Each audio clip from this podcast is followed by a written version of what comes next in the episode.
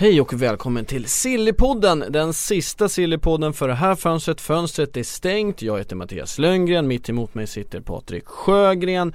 Men ett stängt fönster är inte alltid ett stängt fönster. Övergångar kan ändå ske och här sitter du och smilar upp dig tack vare övergången som precis, precis blev klar. Den största, årets Galactico tveklöst. Jag säger som Lundell, en inställd konsert också en konsert och Niklas Bentner, klar för Nottingham Forest. Klubben i mitt hjärta, klubben jag hållit på sedan jag var sex år gammal. Nej, kanske inte. Men klubben jag nu kommer hålla på intensivt den kommande Championship-säsongen. Eh, en, en transferbomb, tillbaks i England. England står still. Tidningarna fylls med spaltmeter om den eh, galne dansken igen. Det, det är en, en good day to be alive. In the supermarket you have eggs class 1, class 2, class 3. And some are more expensive than others and some give you better omelets. That's the wrong information. Wrong, wrong, wrong information. I didn't say that. That's the wrong information. Do you think I'm an idiot? Wrong, wrong, wrong information. Now look at me.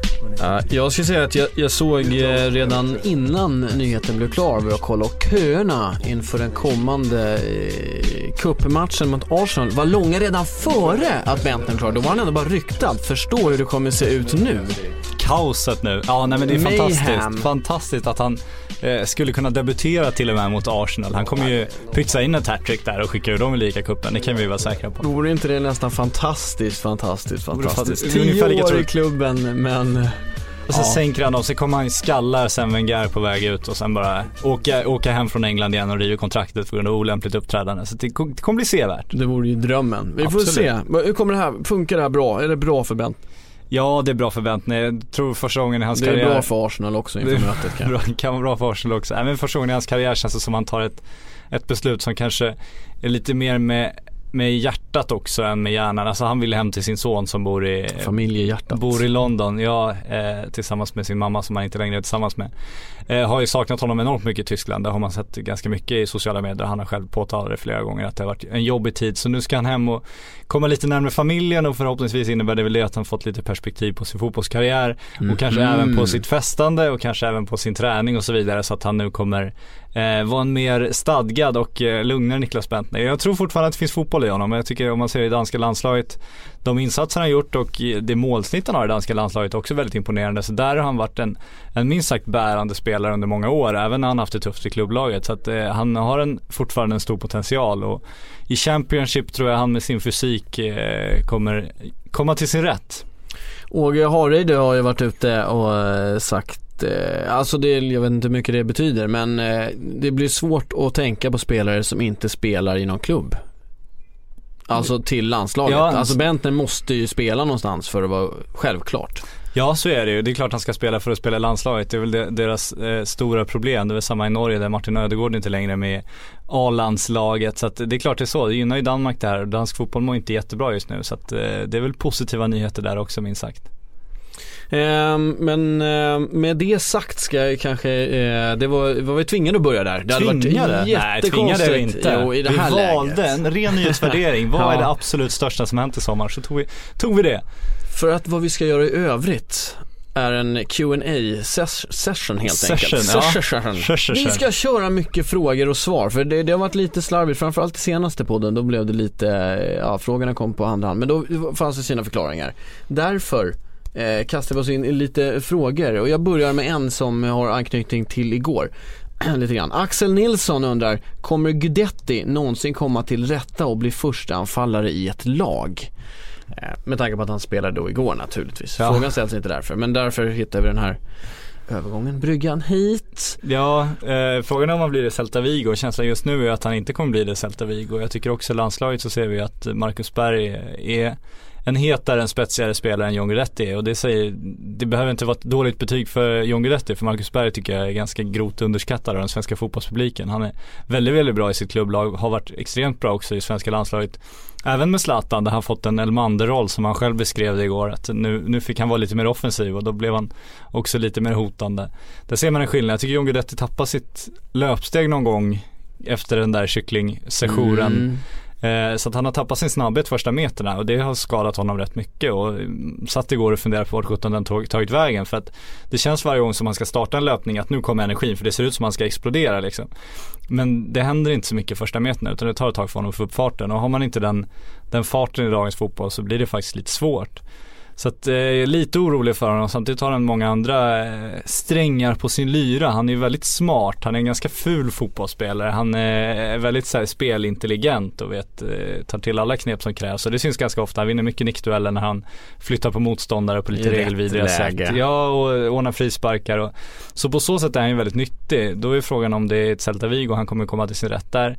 Känns lite tveksamt. Han kanske skulle må bra i ett eh, engelskt lite, lite mer bottenlag, något sånt där. Han skulle få gå in och kriga lite mer och eh, jobba lite mer med inställningen än med, än med speed och sånt som Spanien ganska mycket handlar om faktiskt. Han hade bevisligen oerhört fort, fort eh, tagit sig an fansen och fansen hade tagit sig an honom även i England. Ja. Det är han, en av hans Det har han inga problem starkaste med. strängar Nej, det på är lyran. fantastiskt. Bästa eller mest minnesvärda bilden igår förutom Bergs mål är ju fortfarande nationalsången när liksom John Guidetti står och stampar som någon tjur som de stängt in innan, innan någon rodeo-tävling och liksom bara vill ut och, ut och springa. Han lär ju vara väldigt bra för byggandet av, eh, av tryck eh, i en grupp.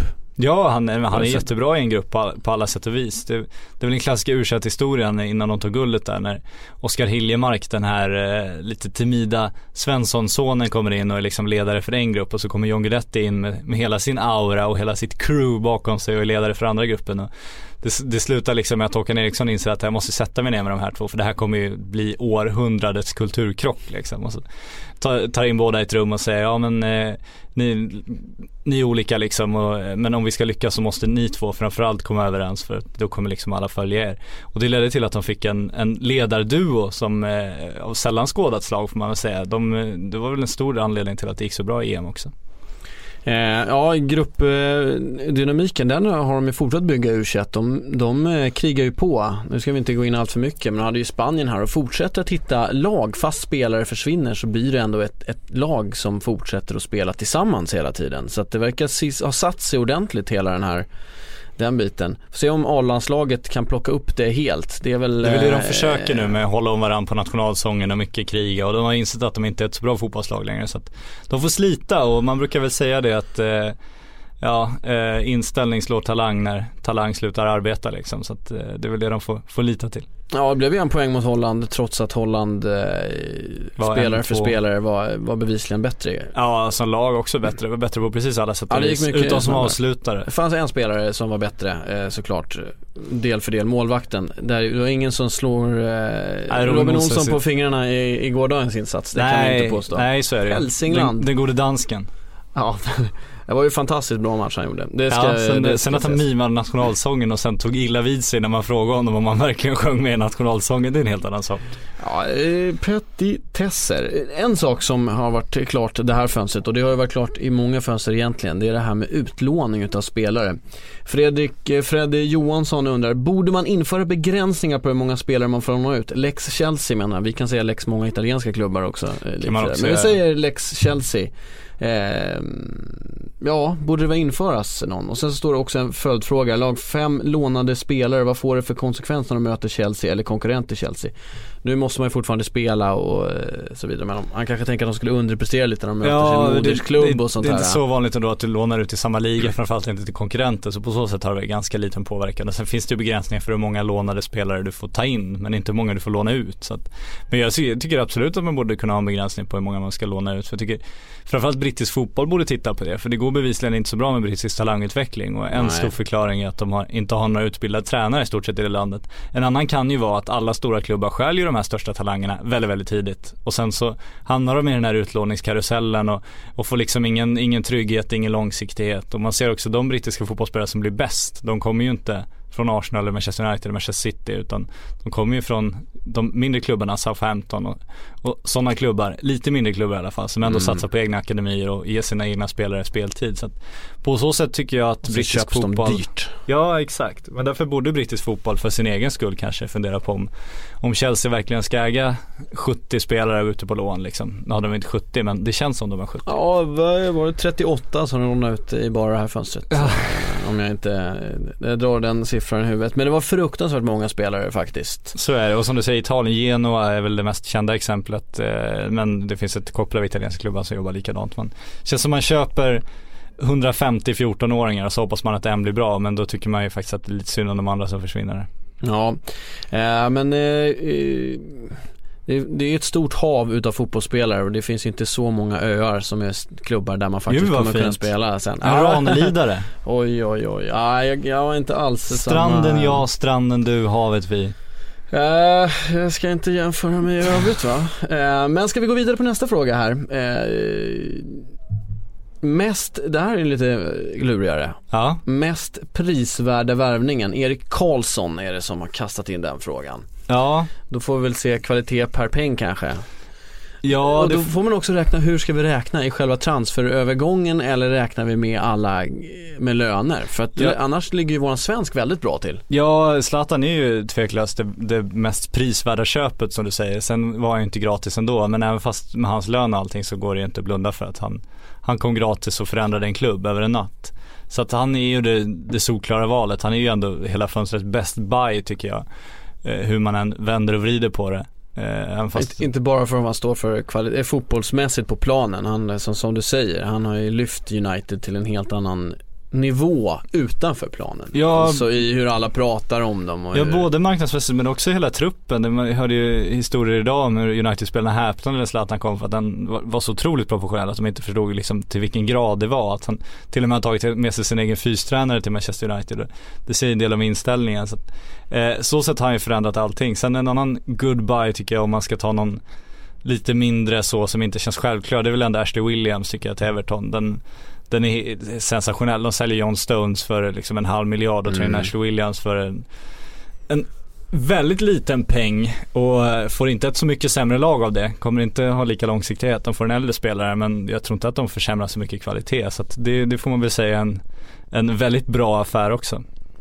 Eh, Men det blir ju samtidigt en sämre affär för Swansea som, eh, som tappar en spelare som har varit ja, lite av en kulturbärare i klubben. Ja, det är idiotisk försäljning. och sen också, Ja. det kan man ju inte glömma bort. Det var en sen försäljning Ja, och efter EM har han gjort succé också så att när han spelar med en arm till och med. Men ja, nej, Swansea är en av dem som gjort, vill jag väl komma in på det Arne utan att ha läst frågorna men det känns som, Den, känns som sämsta fönstret kommer komma och vi kan väl redan nu lansera Swansea som en vi, kandidat vi, det. kan, vi kan kliva in där på en gång om vi ändå håller på sämsta värvningarna. Så kastar jag upp namnen så fort jag hittar vilka som har ställt frågan. För den har ställts av flera just. Ja. Vilka har gjort sämsta och vilka har gjort bästa fönster? Vi börjar med sämsta. För det är alltid kul att börja i botten. Ja, exakt. Även Eh. Swansea är ju där, definitivt. Eh, Sunderland är där, de har varken förstärkt och de har målvaktsproblem nu med skador. Och de lyckades inte lösa en målvakt som de försökte göra. Eh, West Bromwich har inte heller blivit så mycket bättre. Om man tittar utanför England så tycker jag nästan hela Europas sämsta fönster måste ändå vara Milan på något sätt. För att de är hamnar i en slags gisslansituation nu med de nya ägarna har skrivit ett avtal med Silvio Berlusconi som slår fast att de, de kommer köpa klubben men de har fortfarande inte köpt klubben. Och då är frågan vem ska betala för Milans nya värvningar? Kineserna vill ju inte göra det för de äger ju inte klubben. Berlusconi vill ju inte göra det för han har ju redan bestämt att han ska sälja klubben och han har redan bestämt vilket pris han ska göra till. Vilket innebär att Galliani står under sitt sista fönster med Milan och kan inte köpa någon spelare Inga- överhuvudtaget i stort sett. Och det gör ju att de hamnar ytterligare en hel säsong efter i sin utveckling och de är redan halkat efter så otroligt mycket. Så att de är ju, det är ju en krissituation där på så sätt. Så att jag tycker att de tveklöst är den, den stora förloraren. Ja de har ju eh, de har ju väldigt många steg upp till toppen i italienska ligan till att börja Ja, med. de behöver liksom bygga upp sitt marknadsvärde igen. De behöver förmodligen en ny arena eller i alla fall renovera arenan eller bli ensam ägare till arenan. Eh, De behöver en hel del förstärkningar truppmässigt. De har ju en målvakt de kan bygga på i några år kan man säga. Mm. De har en anfallare som också är fantastiskt bra. Men däremellan är det ju ett, ett stort jäkla vakuum bara. Så att där har de ju enormt mycket att göra. Hur mycket spelar det här in? Vi, Mino Raiola, Zlatans agent bland annat, gick ut och sa att eh, Zlatan gick ut till Manchester United. Det sa han ju inte, det läste vi alla självklart. Eh, men han sa ju att, att Milan var klubben i hans hjärta. Men inte ens nu när han går gratis gick det. Ja, It- Italien har inte råd med Ibrahimovic så alltså, prata om klubben i hans hjärta. Den här första gången i Zlatans karriär som han själv bestämmer hur mycket han ska kosta. Så att det där, jag twittrar något ironiskt om det där för det där, jag tycker att det är så löjligt. Alltså, jag fattar också att han vill tjäna pengar och han är fri att välja och, och vilja tjäna pengar Zlatan. Han, det är klart han ska gå till Manchester United, en större sportslig utmaning. Det är klart han ska, han får mer betalt. Jag skulle också valt Manchester United. Men det, det löjliga blir ju när du, när du då går ut och pratar om klubbhjärt och att du gärna hade gått till Milan. Vad fan, håll käften, ta dina pengar och gå Ja. därifrån liksom. Eller ha gå lite dit i sådana fall. Ja exakt, gå dit om du nu ska säga det, om du inte ska gå dit Ja men fan säg det inte då, håll käften och låtsas inte som om du har någon slags klubbkänsla. För det har han ju sagt redan från början, han har inte byggt sin karriär på klubbkänsla, det har det absolut inte handlat om. Han gick till Nej. Ajax för att utvecklas, han gick till Juventus för att utvecklas, Juventus åkte ur Serie A, han krig, krigade sig bort, han kom till Inter, han gjorde det bra, eh, Mourinho kommer in, ska bygga ett nytt lag, han, han bråkar sig bort till Barcelona, han kommer till Barcelona, han är på kant med Guardiola, han lämnar där, han drar till Milan. Milan var väl enda klubben han ville vara kvar men han tvingades ta en försäljning. Men det här är ju inget klubbhjärta, är inte det han sysslar med. Paris tror jag han inte heller har drömt om när han var liten. Nej, och fine liksom. Jag har inga problem med att fotbollsspelare Inte eh, gör karriärsresor och han, han har ju samlat titlar. Han har inte gått efter pengar, han har ju fortfarande gått efter sportsliga utmaningar. Det får man ju faktiskt ge honom. Men då får man ju sluta prata om klubbkänsla också. Man kan inte ha, ha det myntet också. Ha både kakan och äta upp den. Då får man då får man faktiskt stå för vad man gör tycker jag och det här gäller ju ett, hur många fotbollsspelare som helst. Nu råkar det bara vara Zlatan som exemplet. där. Ja, det ju, men det är väl inte så konstigt. Det är ju arbetare som arbetare. Många går ju dit pengar Ja, och såklart. Mycket vill ha mer liksom. Den enda skillnaden är ju, är ju att när vi pratar om våra löner så är våra löner där de ligger och vi måste troligtvis fortsätta jobba resten av Jo, men det stora där- av ja, pensionen. Det behöver ju inte han om man inte vill. Jo men man får ju det här mottugget direkt liksom så ja men om du har 20 på Aftonbladet och Expressen kommer in och erbjuder 60, är klart du går till Expressen så här. Ja fast jag har inte en miljard på banken, det är ju Nej. där skillnaden är. Jag, han behöver ju inte tjäna mer pengar. Men då om man då ska prata om klubbhjärta, fine, då får du föra klubbhjärtat. Men om du nu, om pengar är viktigare eller sportsliga utmaningar, titlar, för det är ju större sportslig utmaning också. Det är ett smart val Manchester United, jag står ju bakom det till 100% men då får du sluta prata om att du älskar Milan liksom. Sen eh, en aspekt som vi ska ta in här och det vet ju du och jag Patrik att när man studerar Ja. då hade man en annan plånbok och då, jag levde faktiskt ganska bra då också. Ja Eh, så är det, utan en miljard om anledning sak. har levnadsstandarden och mina utgifter har ökat i paritet.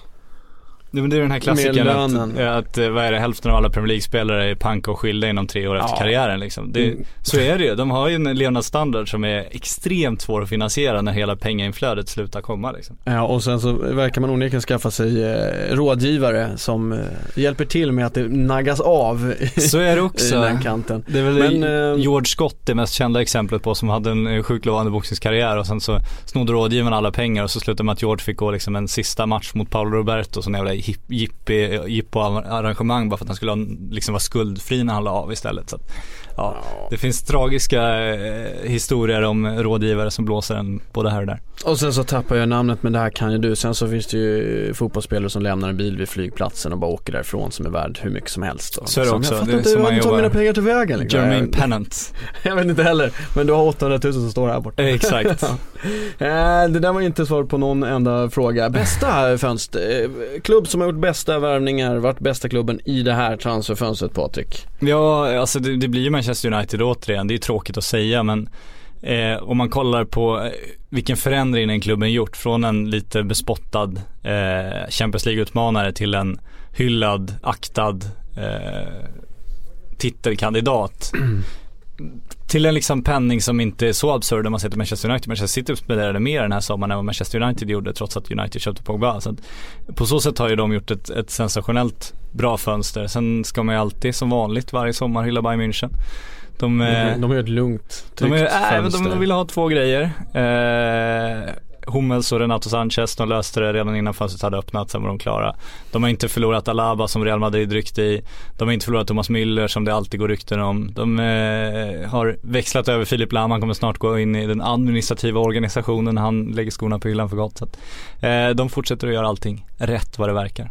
Och ett bra tränarbyte i tid, planerat, fick god förberedelsetid. Supersmart alltihop. Juventus, också ett bra fönster, får in oerhört mycket pengar, spenderar oerhört mycket pengar. Men lite i ett, så att Ja, säga. helt med det där. Jag tycker de har ett bättre lag än vad de hade innan sommaren. Trots att de eh, blåstes på Witzel i sista stund. Hade de fått honom också så hade det liksom varit eh, jackpot för dem. Jag tycker inte Pogba har varit så bärande för dem. Han skulle kunna bli det om några år absolut men jag tycker inte att han varit så avgörande för dem på något sätt. Nu får de in en Higuain som jag tror kommer bli mer avgörande för dem. Han är hyfsad målspottare. Hyfsad målspottare och lite det de saknat så att, eh, nej det, det, de har också gjort det extremt bra, absolut. Ja, släppte bort Morata. Eh, De tvingades släppa tvingades, Morata, Ja, det var ja, ju för en- att vi alla löste Men samtidigt så Morata var absolut, är absolut inte den spelaren Gonzalo Higuain är. Nej, det, inte, det, jag menar, där har de ju bytt upp sig Ja. i, i målproduktion och i, i, i deltagande. Så att eh, det var ganska bra fönster. Sen en, en annan klubb som har gjort ett bra fönster i alla fall på ett sätt, det får väl ändå vara Newcastle. Eh, Ja, så, samtidigt så är det alltså, sådär sett, kanske inte spelmässigt, spelarmässigt, men rent ekonomiskt har de gett sig en jäkla fin, eh, Det har de gjort. Sen, måste göra någonting också Jo men exakt, sen är jag lite allergisk mot det. Jag håller med, de har gjort extremt bra försäljningar och fått väldigt bra betalt för sina spelare. Samtidigt har de förlorat kvalitet. Fortfarande en bra trupp, fortfarande en tillräckligt bra trupp för att vinna Championship. Men, men det där med att man ska tjäna pengar i transferfönstret, det, är- det är helt fel tänkt tycker jag. Vi har sett Ja, men ett Liverpool nu som går plus det här transferfönstret också. Men Mm. hela tanken med transferfönster är att du ska omsätta pengarna du har, får in på andra, på andra håll i att förbättra din trupp och utveckla din organisation. Och då har man inte investerat ordentligt i truppen tycker jag om man går plus. För det, det handlar inte om att göra pengar på transferfönster, det handlar om att balansera en ekonomi men inkomsterna ska inte vara från att sälja spelare om det är en stor klubb utan det ska ju vara från, från marknadsintäkter och publikintäkter och tv-intäkter. Så att jag, jag har svårt att hylla Liverpool liksom för att de går plus och då borde jag ha svårt att hylla Newcastle också även fast de gör, har gjort liksom försäljningar har varit tvungna till men ändå lyckats få väldigt, väldigt bra betalt. Alltså det, det, det som mycket baserar min på att de gjorde det bra det är att de fick så otroligt mycket pengar för Ja. eh, Moussa Sissoko. Moussa Sissoko i sista stund. Alltså det, det är ju en spelare som, vi har varit inne lite på det men de hade aldrig fått så mycket pengar om de de sålt honom före EM. Nej, nej, nej. Men de nej, har ju var fått 300, alltså det är Ja, hade man kollat på hela reelen från hans förra säsong så hade man ju inte betalat de här pengarna liksom. Så på, på det sättet, det är spelare som inte är jätteomtyckt heller i klubben. nej, han Så- behövde de ju verkligen bli av med. Så absolut. de har ju verkligen fått jättemycket pengar, blivit av med honom, fått lite goodwill i eh, eh, bland fansen. Så att eh, där Ja. har det ju, Ja som affär är väl det förmodligen sommarens alltså både bästa och sämsta. Det är väl den bästa försäljningen och det kan faktiskt vara det sämsta köpet av Tottenham för att han är man, man har ingen aning om vad man får där och det blev inte billigt så att eh, det var lite Ja, vad- intressant. vad man får är ju en spelare med en Arsenal-tröja i garderoben. Ja, ja. Eh, och en spelare som eh, eh, avtalar eh, medicinska undersökningar, allt är klart med Everton och sen stänger av telefonen. Det är den spelaren du får eh, Det får man. till, du, till klubben. och du får en av EMs mest genombrottsstarka spelare om han är på humör. Eller så Ja. får du, han var ju väldigt bra i första matchen i Newcastle också när han kom dit. Men sen sjönk jag igenom fullständigt. Så att eh, prata med Erik Herniva på läktaren igår under landskampen om Moussa Sissoko och hans tippning är väl att ja, men han kommer göra ett kanonhalvår och sen kommer det bara gå fullständigt åt helvete. så det är väl någonstans där man tippar att det kommer landa. Ja, det, det lär väl hänga ganska mycket på att hålla honom på humör. Det Ja, är tveklöst så. fruktansvärt viktigt, bevisligen. Ja, hålla honom inspirerad och i så fall kan det bli bra. Han har ju aspekter som, som Tottenham saknar och sen så var han ju någonting Tottenham var tvungna att göra bara för att skicka någon slags signal också. De hade ju inte eh, gjort något, något riktigt stort det här fönstret. Så att på så sätt var ju det en logisk affär men det är svårt att hylla den ändå. Um, nästa fråga, ett eh, bråk. David Daging är det som skickar in frågan. Vill höra om Barcelona slash Inter. Bråket om, här står det Batigol, men vi går in på Gabigol misstänker jag. Ja det är väl inte Ehm. Batistuta de bråkat om nu. Nej, han, hans knän har gett upp för länge sedan. eh, Exakt, men hans hår ligger rätt som vanligt. Ja, det är kungligt. Men hur som, eh, Roy Gabigol. Costa står och skickar drinkar till honom i baren. Det är kanon.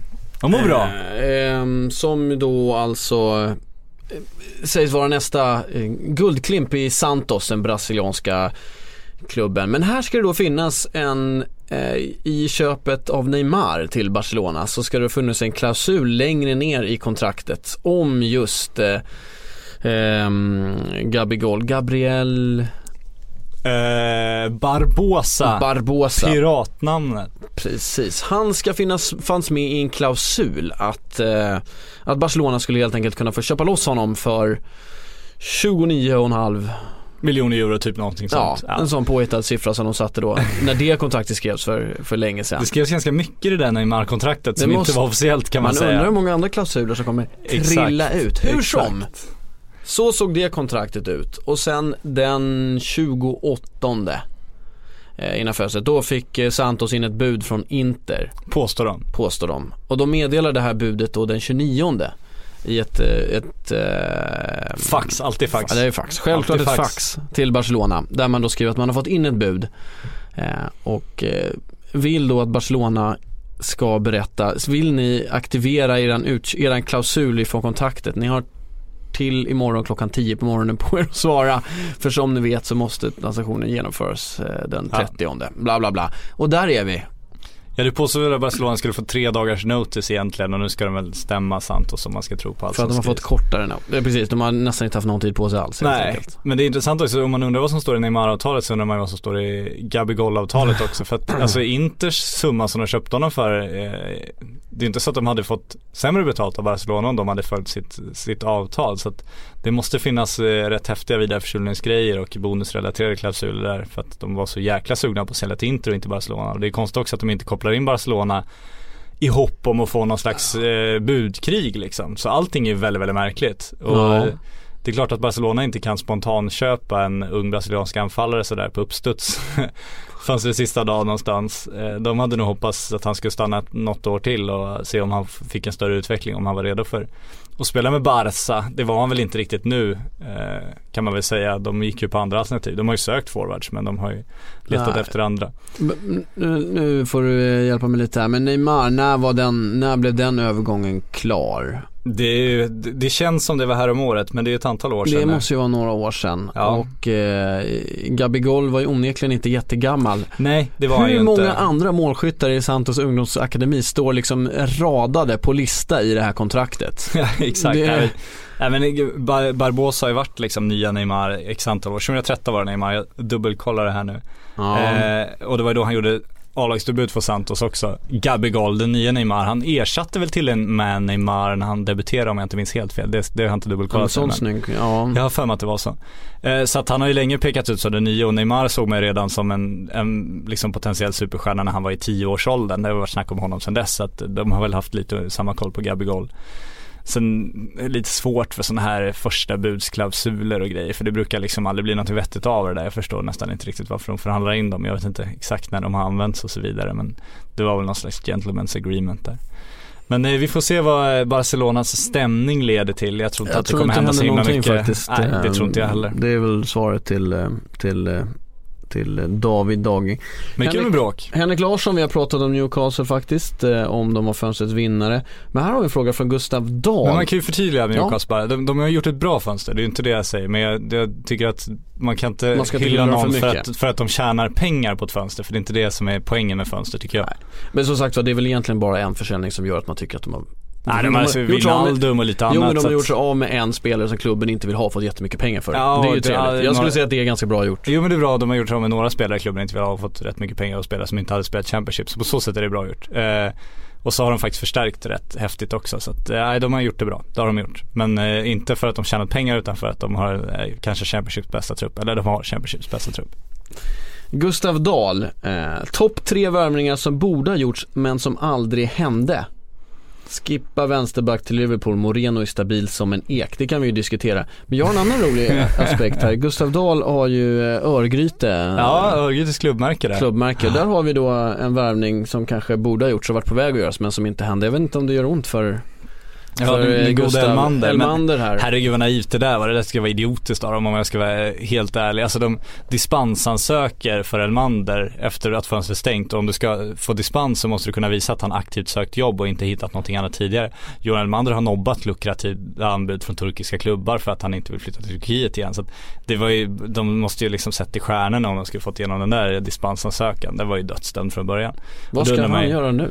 Nej men man undrar varför de inte, om han nu, han borde ju ändå anat att ÖIS kanske var ett alternativ. Då hade han ju kunnat skriva Ja. ett kontrakt med dem innan fönstret stängde. Med möjligheter för honom att ta sig ur det kontraktet. Att det Ja, är ganska enkelt att driva och sådär. Så hade de ju löst det där. Ja, varför? Ja, precis. Det hade varit jätteenkelt att göra. Det Ja. finns ju en mil, vi pratade precis om klausulkontrakt alldeles nyss här. det hade varit väldigt, väldigt enkelt. Och ÖIS hade ju gärna gjort det. Så det tycker jag var konstigt. Nu känns det väl att karriären kanske är över då. Ja, om man inte dyker på något annat i sista stund. Eh, Ja, nu då måste han ju hålla se. igång då till fönstret. Ja eller ja om man ska in i ÖIS Om man ska in nästa- dit. efter, efter säsongen till nästa säsong så kanske inte behöver hålla igång så himla mycket heller. Men Nej men, ja, men det är väl för hans egen skull antar jag, Ja. inte komma dit. Men visst, vi får väl se vad som händer. Men den där dispensen överklagades väl att den blev nekad? Vad, är- det, lär väl göra men de kommer aldrig få igenom den där dispensen. Det vore det är sensationellt. för svårt. Eller är det f- Nej, de för inte, fel helt de, enkelt? Ja de, har- de, de har inte liksom, de, det som krävs för att få dispensen, de kan ju inte eh, motsvara det. De har ju inte agerat Nej. efter det sättet så det, det känns bara jättekonstigt. Eh, väldigt märkligt, det är som att gå in på ICA och vilja ha ICA-rabatt och inte ha ICA-kortet liksom och sen överklaga det. Vad fan, du har fortfarande inte ICA-kortet. Nej, det går inte. Men eh, topp tre. Topp tre värvningar som borde ha gjorts men eh, som aldrig eh, hände. Ja, jag tycker fortfarande Arsenal borde ha, eh, eller de hade mått bra av att fått in en, en världsklassanfallare. Det har vi sagt i alla år, men det är verkligen det som saknas efter titeln. De hade Lacazette på gång, jag är inte helt övertygad om att han hade gjort supersuccé. Ja. Men eh, de fick ett bud nobbat, det är bekräftat. Den borde ha gjorts på något sätt. Jag tycker att de borde ha fått igenom den på något sätt. Eh, och sen någon till är väl ändå Galacticon till Real Madrid. Det tillhör deras marknadsstrategi. Så att eh, de borde ha löst någon. De borde ha löst David Alaba. Jag vet inte.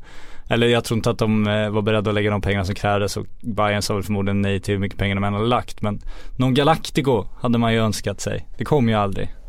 Nej, det, det är precis man Och Witzel till den där- Juventus. Där är trean. Ja, där jobbade de på det. Där det ska de på vi det. ge dem. Ja, Eh, Och han kommer väl nästa sommar nu kan man väl ana men. Eh, Ja, nu kan väl inte bli stoppad så mycket mer av eh, Zenit, ens om de vill. För nu kan han väl gå vart han vill Ja. efter, efter Och därför här. borde de ju sålt. Det är också jättekonstigt att de inte gjorde det. Så att det var Mm, märklig. Ja men en klubb som inte behöver pengarna gör som de vill. Visserligen men eh, en, även en, någon som inte behöver pengarna kanske hellre tar 29 miljoner nu än 0 miljoner nästa sommar. Plus en Euro. skönt motiverad spelare. Ja exakt så att ja, men nej, eh, det var ja, märkligt. de, Den borde ha blivit av. de har ju satt han i den där sitsen förr också så att eh, ja, ja det där eh, Han kommer ju nästa sommar, då får han väl, eh, nästa vinter bör det väl bli klart redan. Ja, det, jag tror- ja det, jag tror inte de säljer i januari. Zenit jobbar inte så. Nej, Ryan Reynolds here from Mint Mobile. With the price of just about everything going up during inflation, we thought we'd bring our prices down. So to help us, we brought in a reverse auctioneer, which is apparently a thing. Mint Mobile unlimited premium wireless. Ready to get 30, 30, bit to get 30, bit to get 20, 20, 20, bit to get 20, 20, bit to get 15, 15, 15, 15 just 15 bucks a month. So, Give it a try at mintmobile.com slash switch. $45 upfront for three months plus taxes and fees. Promo rate for new customers for limited time. Unlimited more than 40 gigabytes per month. Slows. Full terms at mintmobile.com. Jag tror Men skickar han honom nästa rätt att skriva sommar. på då va? Har han inte det för nästa Ja det har han absolut. De kommer nog inte sälja honom.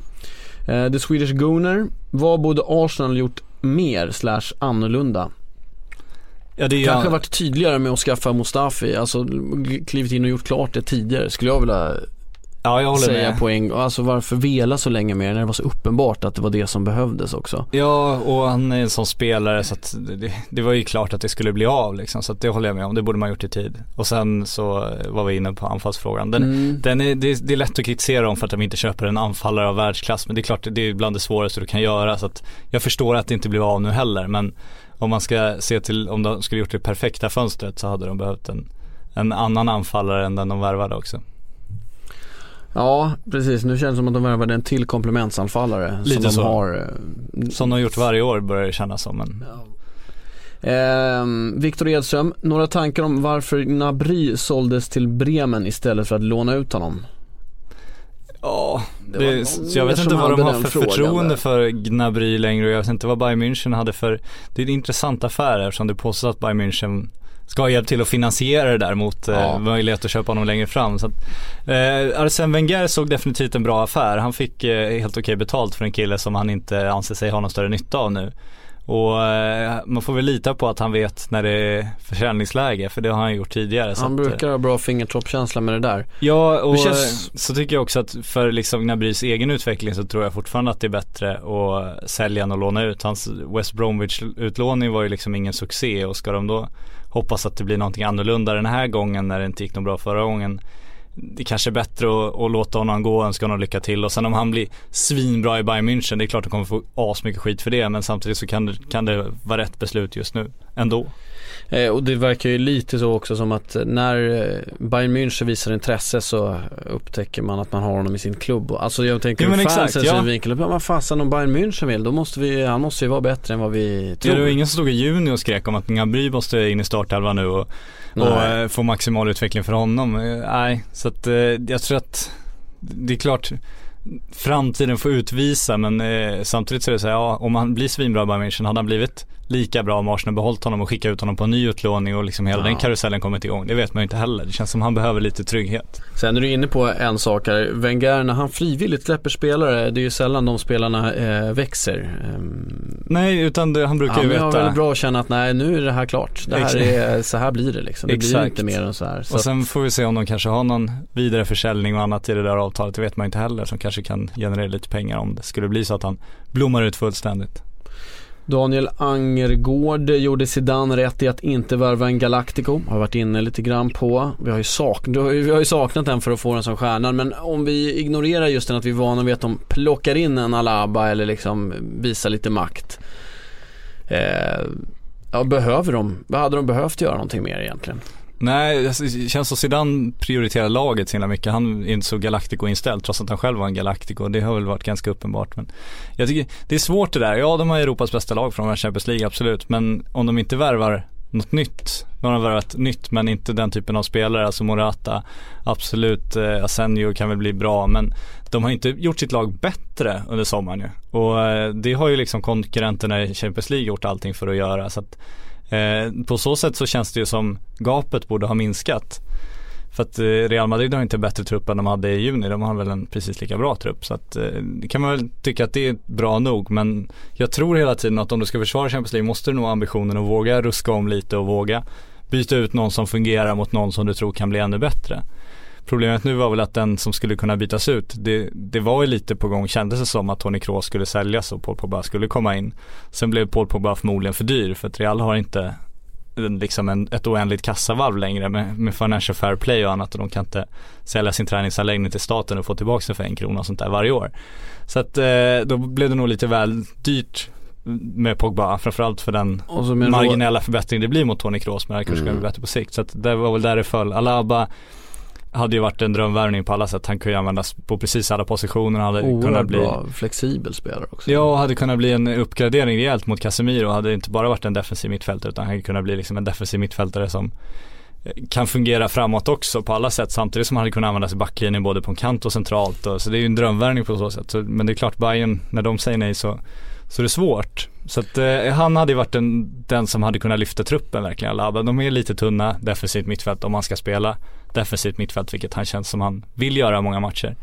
Eh, så där är väl det lilla, lilla tappet på något sätt. Nästa fråga, Viktor Lönegren, bra efternamn, det är väldigt eh, likt Ba, ett ba, fint ba, sådant. Eh, Lönegren alltså, ettan.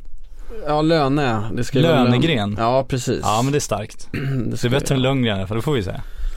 Uff, ja, vi ska inte ge oss Det in känns mer, här. mer originellt liksom. Med Lönegren? Ja. Jag får snabbgoogla sen och se hur många Lönegren det finns här Ja, det i, Sverige. Ehm, men vilken blir fönstrets största flopp? Och vilken svensk blir nästa stora övergång? Ska vi börja med nästa stora övergång? Vi börjar tvärtom mot vad han ställde. ja, det kan vi göra. Eh, för det finns, som jag ser det finns det två alternativ här. Ja. Eh, Viktor eh, Nilsson, Lindelöf. Lindelöf eh, som antagligen kommer krita på en fint kontrakt hos Benfica och sen då kostar väldigt mycket med någon hög. Eh, så att om han fortsätter i samma utveckling då kan han bli någonting. Och sen så ser jag Asoro, om han får för sig att göra någon slags supersäsong nu. Eh, 17 år, ögonen på sig, sätta han lite mål i Premier League.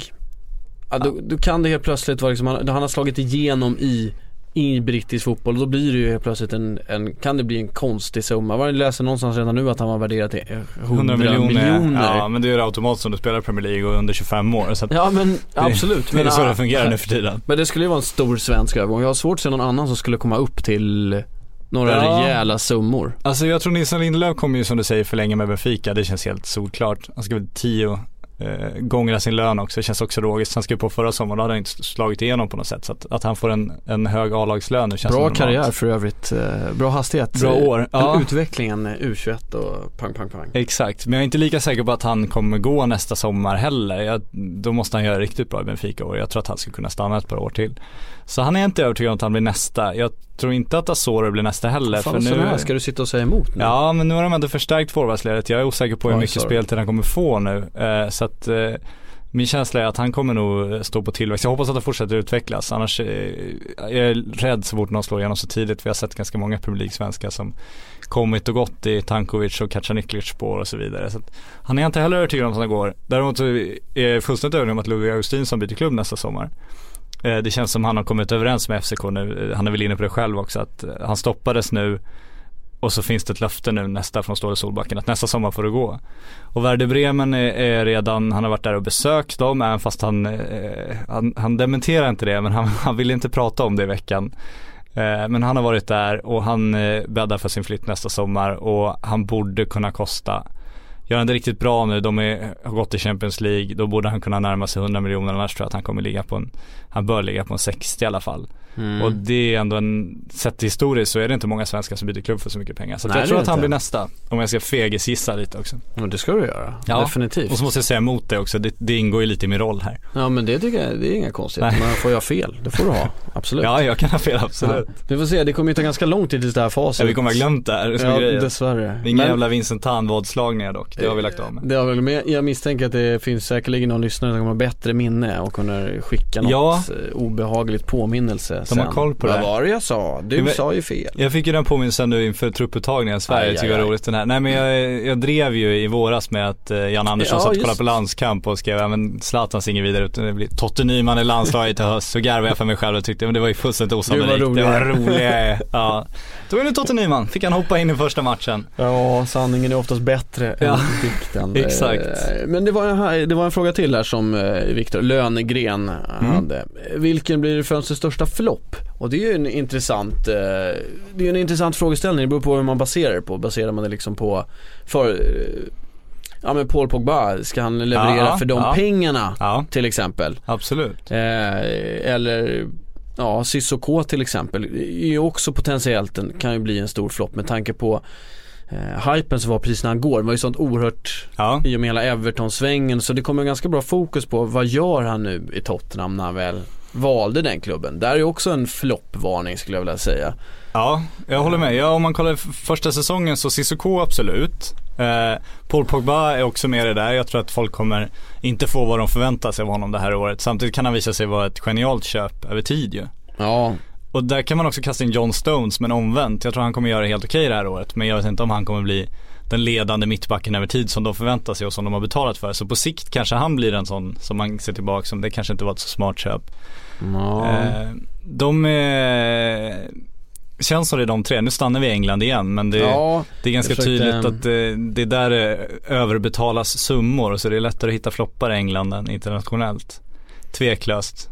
Ja men så är det ju definitivt. Jag försöker tänka igenom här vem, vilka, men det är ju Sen kommer ju eh, polacken Napoli köpte för att eh, ersätta Higuain eh, kommer ju råfloppa. Nu har jag tappat hans namn men jo, Zielinski han som brände precis, nej inte alls Zielinski.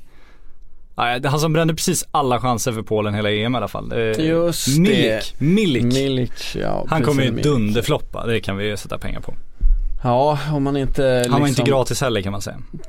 Precis, han hade ju inte marginalerna med sig under EM. Han brände ju som, Polen hade ju, ja, jag ska inte säga att de vin, hade vunnit hela men han har, alltså, han har haft bättre Han har procent. vunnit skytteligan i alla fall. De Alltså, Lewandowski droppade ner och blev någon slags framspelare och Milik bara stod där fram och bara skicka upp bollar på läktaren som om det var någon slags välgörenhetsgrej och han skulle liksom ge bort presenter till publiken. Var, han spridde dem väl också så alla, alla olika etage bakom målen fick varsin boll innan och gick han från EM-matchen med Milik. Ja, det är av sällan skådat, skådat mått. Men alltså han har ju annars inlett bra, i alla fall gjort två mål hittills för Napoli. Så ja, att, det har han ehm, gjort. Så är det ju. Ja, han har inlett bra men jag vidhåller att han kommer dunderfloppa. Ja, nej men det, Jag överdriver ju nu såklart men för, för liksom eh, konsten och poängens skull så ska jag stå på mig att han kommer dunderfloppa för jag snackar ner om ända sen EM så jag tänker inte, tänker inte ändra Du- mig att han gjort vad två mål på två matcher. Det kommer liksom Det inte förändra. ingenting. kommer inte förändra någonting. Jag Nej, vägrar släppa vad, att det blir en Vad är flopp. två mål? Vad är två mål? Ingenting. Eh, Laddan H, eh, Ludvig Hallin, eh, namnet om vi ska läsa ut det. Tror ni att värvning av Louise eh, tyder på att Conte inte tänker satsa mer på Soma? Just värvning av Louise har dykt upp på fler frågor här förresten, eh, apropå ingenting. Vad, eh, specifikt skickas den till dig också. Vad tycker du om den värvningen? Ja, eh, Soma kommer han inte satsa på. Det känns, det var ju, det påstås ju och ganska trovärdiga uppgifter att de försökte få eh, Kurt Soma själv att gå med på en utlåning nu och han sa nej. Så att det känns inte som han är prioritet nummer ett där. Eh, om man ska ta Louise så tycker inte jag, alltså det är många som pekar ut den som så här eh, hutlöst och idiotiskt och så här. Jag tycker också att han är en, en fruktansvärt överskattad försvarsspelare. Eh, så är det tveklöst. Samtidigt tycker inte jag att prislappen nu var så absurd. Nu tycker jag att de betalar ett marknadsmässigt pris för honom. Så sett till det som köp på fönstrets sista dag så, så är det absolut ingen dum affär. Det tycker jag inte. Sen tror inte jag fortfarande inte att han kommer liksom leverera som försvarsspelare alla matcher såklart. Men eh, som vi var inne på lite i sändningen om man ska spela någon slags trebackslinje eller om man ska ha en, en försvarare mm. som tar upp boll, det är ändå det han saknat. Så att då kan han ju fylla en funktion och det är ett helt okej pris. Så att, vad fan, så är dålig affär tycker inte jag att det är. Men jag tycker fortfarande att han är en dålig fotbollsspelare sett till hur, hur högt värderad han är. Viktor Olsson, de enorma tv-pengarna har igen spridits ut till alla andra länder förutom Premier League antar jag att han menar då. Prata om hur det gynnar Premier League men missgynnar engelsk fotboll. Där har väl du eh, varit inne lite på att pengarna försvinner. försvinner ja. och så blir det, alltså är man rikast och köper så blir det ju lätt Ja men det är samma som, jag tycker man kan dra parallellen när Malmö FF spelar Champions League nu och det var liksom den här eviga debatten, är det här bra för svensk fotboll? Mm. Det hade varit kanon för svensk fotboll om Malmö FF hade använt pengarna till att köpa inhemska talanger, inhemska fotbollsspelare från andra allsvenska klubbar pengarna hade sipprat ner eh, i systemet liksom. Om man då köper någon division 1-spelare, det hamnar pengar där. De köper en allsvensk spelare från, från AIK, det kommer pengar dit. De köper spelare nerifrån, det kommer, så att det liksom sipprar ner i det svenska runt, liksom. fotbollssystemet och till slut når Kalle Karlsson i Karlberg så att han kan utveckla sina supertalanger. Jättebra, problemet i Premier League är att de köper ju ingenting från Championship. Lika mycket som Championship fick in i, i spelarinkomster förra säsongen, lika mycket la de ut på agentkostnader. Så att det är exakt noll pengar in till Championship. Och då är det ännu mindre pengar in till liksom League 1, eh, League 2 och neråt i systemet. Så att alla Premier Leagues tv-pengar just nu, antingen stannar de kvar i Premier League-klubbarna eller så åker de till utlandet, till Bundesliga och Serie A och, och La Liga. Och då sipprar det inte ner någonting i engelska systemet och då finns det inga pengar för att utveckla spelare och på så sätt så är det ju väldigt, väldigt dåligt för engelsk fotbollsutveckling om man hejar på Englands landslag. Men det är klart att det är kanon för Premier League eftersom de får de bästa fotbollsspelarna. Nu kunde de köpa Paul Pogba. Det hade de inte kunnat göra för bara ett år sedan. För bara ett par år sedan hade det varit helt omöjligt.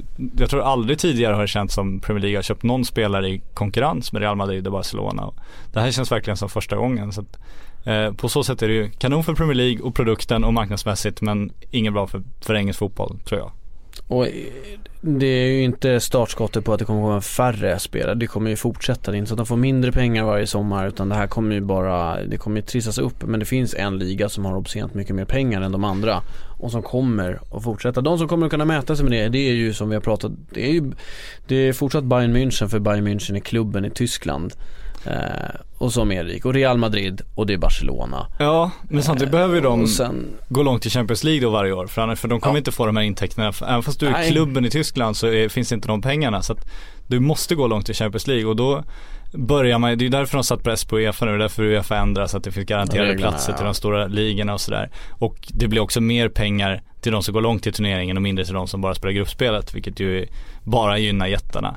Och på sikt ser man väl att om Premier League fortsätter utveckla sina tv-intäkter kommer ju Bayern München, Barcelona, Real Madrid och Juventus för den delen bli väldigt, väldigt pressade och det talar ju för att det kommer bli en stängd superliga då tror jag. Att det kommer bli en europeisk superliga där de spelar och kanske spelar matcher i Asien till och med på sikt och det blir den här katastrofala fotbollsutvecklingen man är livrädd för och jag tror att det kommer bli så om tv-intäkterna bara ökar. Som ingen av oss vill se. Nej precis, som bara de som räknar pengarna vill se. Så det är ju det man blir orolig för och det, det är ju ditåt vi är på väg med stormsteg. Det går inte att blunda för. Eh, vi var inne lite på pengarna här. Eh, Only Tone, inget namn på den. Eh, kan ni prata om Championshipslagens transferfönster? Många rekord som slagits både av Aston Villa och eh, Newcastle Castle. Uniteds eh, där ja, precis. Som ja, storsatsat. Ja, det är ju fortfarande Premier League. Samma pengar. Premier League TV-pengarna ja. De har ju sina fallskärmar från Premier League nu när de åker ur, vilket också kommer tala för en stängd liga även där. Att till slut kommer det vara så stor skillnad så att du kommer åka ur och ha din fallskärm som gör att du kan behålla din trupp, gå upp igen och så kommer det snurra mellan några lag där. Så att det här är ju inte Championship-pengar de har spenderat utan det är Premier League-pengar.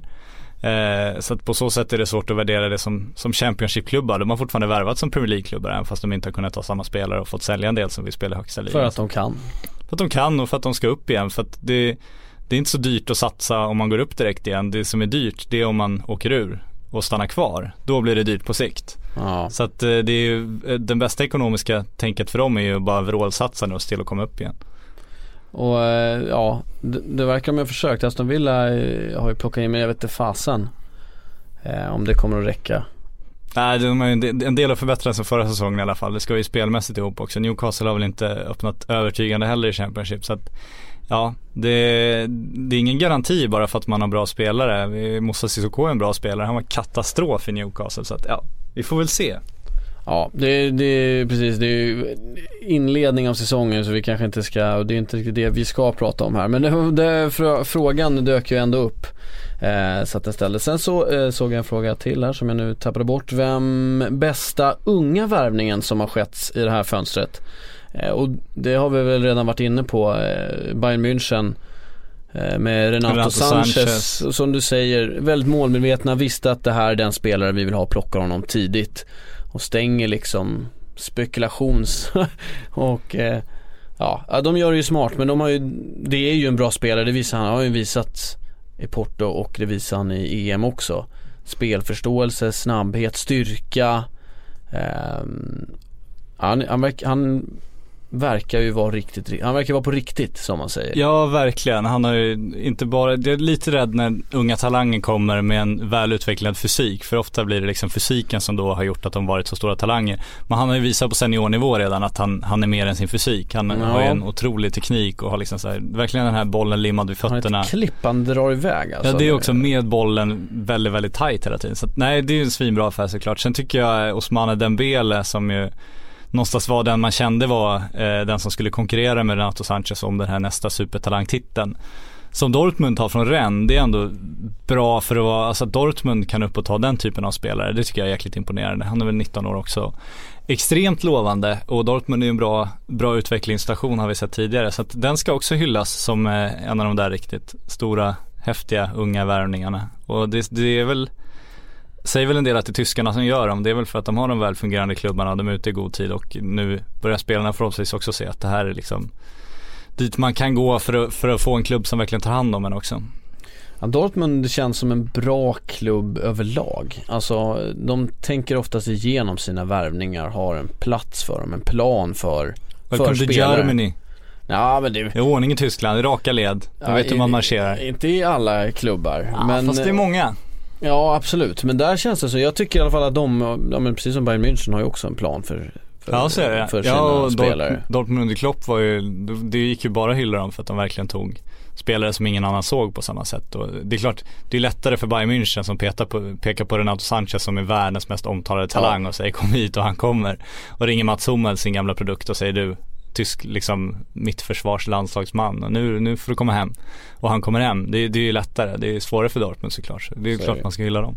Sen har ju eh, Bayern München å andra sidan till skillnad, nu vet jag inte riktigt hur det är i Dortmund men i Bayern München där har de ju eh, å andra sidan väldigt högt tak när man väl har kommit dit också. Det är en ganska, det kan vara en ganska bråkig klubb. Mm. Alltså de har inget emot att ha stora egon i klubben. Nej, eh, och de är- gärna tar plats och, och får säga och bråka lite. De har ju haft en del. eh, Ja men exakt och det, det kanske finns någonting i att de har just gamla spelare och stora profiler högre upp i hela organisationen. Dels ger det en respekt att du ändå när, det- när det sägs ifrån så sägs det ifrån och samtidigt ger det väl också en förståelse att det ska vara ganska, som du säger, högt i tak och mycket svängrum och man ska kunna nita en lagkamrat på träning och så vet ändå ledningen att det här är faktiskt ingen katastrof, det här går att ordna upp utan någon, någon större dramatik. Så att, absolut, de är, det, det är en bra miljö. Ehm, ett, eh, en fråga här utan något egentligt namn. Spooky AK Scream Junior. Ja, det, ja men det har man hört. Eh, Det är någon, Kör en gång till. Något för ditt gamla hood. Vad tror ni om ryktena om Berg till Dortmund efter supermålet igår? När vi ändå pratade om Dortmund också. Jag ska säga det om, eh, det är ju ett riktigt klassavslut han drar till med Ja, igår. Det kan vi inte, det ska inte, honom, nej. nej det var faktiskt men vad har du på gång här? Nej nej, jag Nej, bara säger okej. att det var fruktansvärt snyggt. Ja. Det var det ju. Eh, Stråtmans aktion i samma, samma Ja det kan man ju diskutera. Det var, alltså hans var lika dåligt som domarens var i sekunderna innan när han missade en solklar hands. Ja, tackar Ja, men vi vi ska för. vara glada för det nu. Du inte satt den frisparken. Nej, och han missade ett solklart mål i slutet också. Så. Ja, usch. Men eh, det var bra för, eh, för Sverige. Ja. Men det är bedrövligt försvarsarbete men eh, avslutet är ju, Klass. ja det är verkligen klass. Ja, så är det. Så att, eh, men han kan nog behöva göra några fler innan Dortmund plockar över Ja, han kommer inte hamna i Dortmund. Det, jag vet inte om han hittar på det där eller om det Det kan han få göra. Vi kör ju absolut. öppna frågor här. Nej men det, det, jag är så frustrerad på Marcus Berg dock för han, när han var i Groningen där och gjorde succé Det var väl där han bombade in mål i början om jag inte Han var ju miss- Eller var han i fruktansvärt bra först? i, eh, i, i U21 Ja på hemmaplan på hemmaplan där. Då trodde man att här har vi ju framtidens anfallare som kommer att kunna spela med Zlatan och, och sätt, som gör mål på chanserna. Han var ju stekhet när han slog igenom. Ja, Då han han ju mål på allt nästan. han är ju en snuskigt bra avslutare. Jag med Groningen där och så eh, bomba in mål och så gick han ju till Hamburg för, det var väl 100 miljoner kronor vilket var sensationellt mycket då. Ja. Och jag kommer verkligen ihåg den sommaren för vi träffade honom, om det var hösten efter Hamburgövergången, när han liksom inte hade kommit igång riktigt. I någon landslagssamling så frågade honom då så här, men vad beror det här på liksom så här. Ja men jag, jag var helt slut eh, efter liksom säsongen i Groningen så jag, jag tog eh, jag tog semester så här. Jaha, så här, ja jag, jag tränade inte alls på en vecka och sen liksom så här. Och det var någonstans där man liksom, om man kollar på Zlatan nu som går till Manchester United, ja då, som han själv sa, jag, jag tränar mig inte i form, jag stannar i form liksom. Exakt. Tar Det är ett fantastiskt fystränare. citat. Det är ett bra citat. Han tar med sig fystränaren, han liksom, när han gör sin stora övergång, då, då satsar han ännu hårdare på försäsongen, han bygger upp sig. Marcus Berg gjorde sin stora övergång och var nöjd liksom. Och kände att, ja men nu, nu kan jag njuta här och slappna av. Och det är klart man kan undra honom det, men det är inte så man liksom bygger en fotbollskarriär. Och jag tror att om han hade verkligen varit 110% professionell där och eh, gjort en Zlatan-väg så hade han kanske varit en av liksom Europas hetaste anfallare. För det, finns en enorm potential i honom, så är det tveklöst. Men där var han nog lite för ung och lite för dum om man ska vara helt ärlig för att verkligen maximera det. Och det tror jag han kommer få ångra resten av sin karriär, även fast han har en fruktansvärt fin karriär och eh, just nu är Sveriges bästa anfallsspelare som spelar landslagsfotboll.